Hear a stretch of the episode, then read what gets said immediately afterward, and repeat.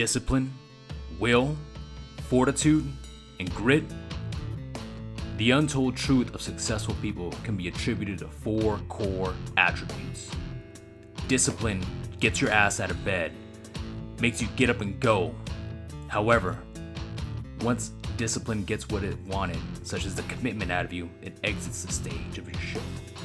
Then comes your will. Your will can carry you for miles, different journeys, and throughout years. But your will can also be exhausted as well. This is where fortitude is welcome.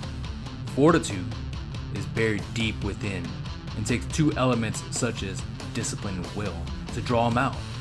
Fortitude is the ability to endure extreme emotional and mental adversities at any given time. And now, fortitude is sharpened by grit. Grit is what brings you home. Grit is the only thing left after all your characters have exited your show, and grit is the everlasting taste of success disguised in sweat, soreness, and fatigue. Grit is your friend.